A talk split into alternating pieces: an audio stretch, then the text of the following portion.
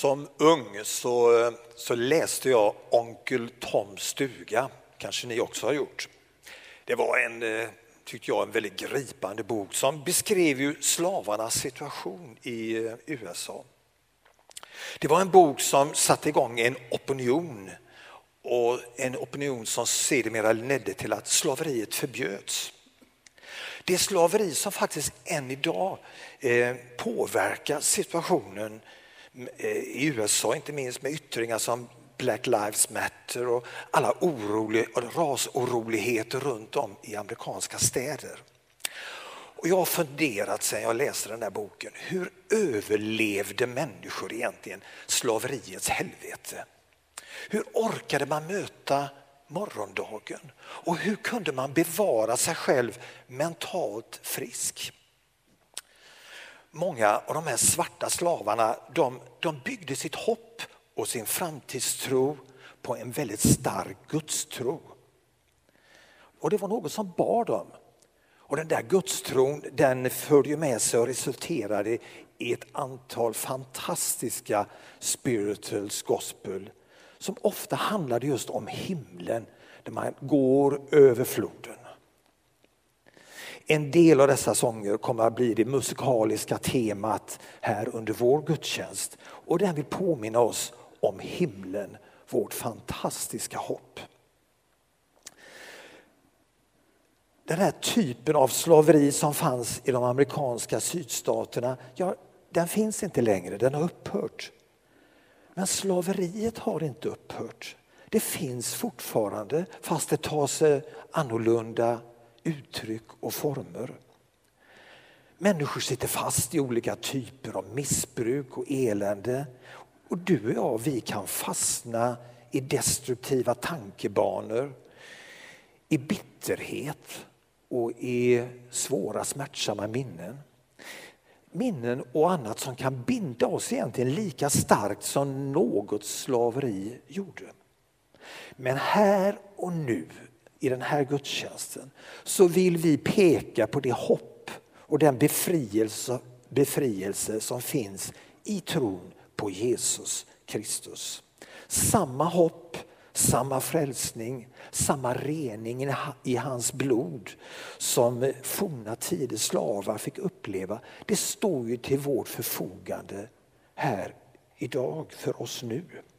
Och vi önskar att du fick uppleva det där kristna hoppet, den glädjen, ett hopp som ger dig en vila i Jesus Kristus. En sorts trygghet och grundglädje i livet.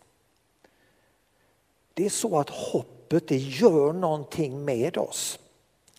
Det är när vi litar på Jesu Kristi nåd och försoning som bördan lyfts av och vi får befrias och känna hur vi fylls utav hans frid istället. Onkel Tom han eh, fick mitt i sitt jordiska elände så fick han uppleva ett annat perspektiv som präglade hans liv. Det eviga det fick en annan och mycket större betydelse. Och himlens härlighet var så mycket viktigare än ett ganska kort jordeliv. För himlen, som är fokus för den här helgen, himlen det är en plats där vi får vara precis så som Gud har tänkt det. Fria från sjukdom, oro och annat som vill göra livet svårt. Och jag såg en ny himmel och en ny jord, till den första himlen och den första jorden var borta och havet fanns inte mer. Och jag såg den heliga staden, det nya Jerusalem, komma ner ur himlen från Gud, redo som en brud som är smyckad för sin man. Och från tronen hörde jag en stark röst som sa, se Guds tält står ibland människorna och han ska bo ibland dem och det ska vara hans folk och Gud själv ska vara hos dem och han skall torka tårarna från deras ögon. Döden ska inte finnas mer och ingen sorg och ingen klagan och ingen smärta ska finnas mer. Ty det som en gång var, det är borta.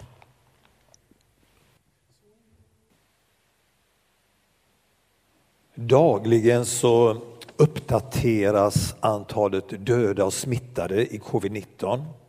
Och siffrorna de jämförs sedan i något som liknar en sorts bizarr tävling vilket land det är som klarar sig bäst. Och allt blir på något sätt bara siffror och statistik.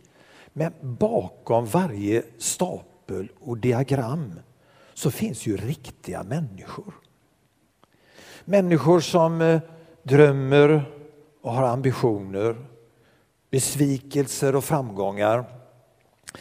Människor som var älskade och är saknade. De är ju så oändligt mycket mer än en siffra i en statistik. Gud han ser inte alls på oss som siffror i en statistik. Han ser oss som sina ögonstenar. Som unika individer som han följer med allra största intresse. Inte för att kolla och registrera om vi gör något fel utan därför att han älskar oss var och en. Ja, han vet vad du och jag heter. Du kanske tycker att Gud känns lite långt borta när du vill tala med honom. Att han kan vara och kännas lite kallsinnig och ointresserad av dina böner. Min erfarenhet är att bästa sättet att se Guds omsorg och ledning i sitt liv det är att titta i backspegeln. Det är när jag ser bakåt som, som jag kan se hur dörrar har öppnats och stängts. Då ser jag Guds hand som varsam faktiskt har lett mig och det blir så tydligt när jag ser det bakom mig. I en sån här osäker och orolig tid så vill han leda dig därför att du är värdefull i hans ögon. Häromdagen så besökte jag mitt, nej jag ska inte säga älsklingsmuseum, jag har ju så många sådana. Men det var Göteborgs stadsmuseum. Och jag var där tillsammans med ett par goda vänner. Och där såg vi en utställning som heter just Värdefullt. Och där visas eh, exempel på det bland det dyraste museet har i sina samlingar. Till exempel en eh, räknemaskin som en urmakare har plockat, plockat ihop någon gång i mitten på 1800-talet. En vacker manik med massa rattar och knappar som man kan räkna alla fyra räknesätten, hur stora tal som helst och den är värderad till cirka 45 miljoner. Men där finns också helt andra föremål som representerar något som är älskat kanske ett viktigt minne av någon eller något. Oavsett hur du ser på dig själv så vill jag bara påminna dig om att du är Guds barn. Hans värdefulla dyrgrip. Så även om du känner dig så bunden och insnärjd, ja nästan förslavad, så glöm inte att han har köpt dig fri med sitt blod. Du behöver inte stanna i fångenskap och, och, i slaveri utan du får ta emot hans generösa erbjudande om befrielse.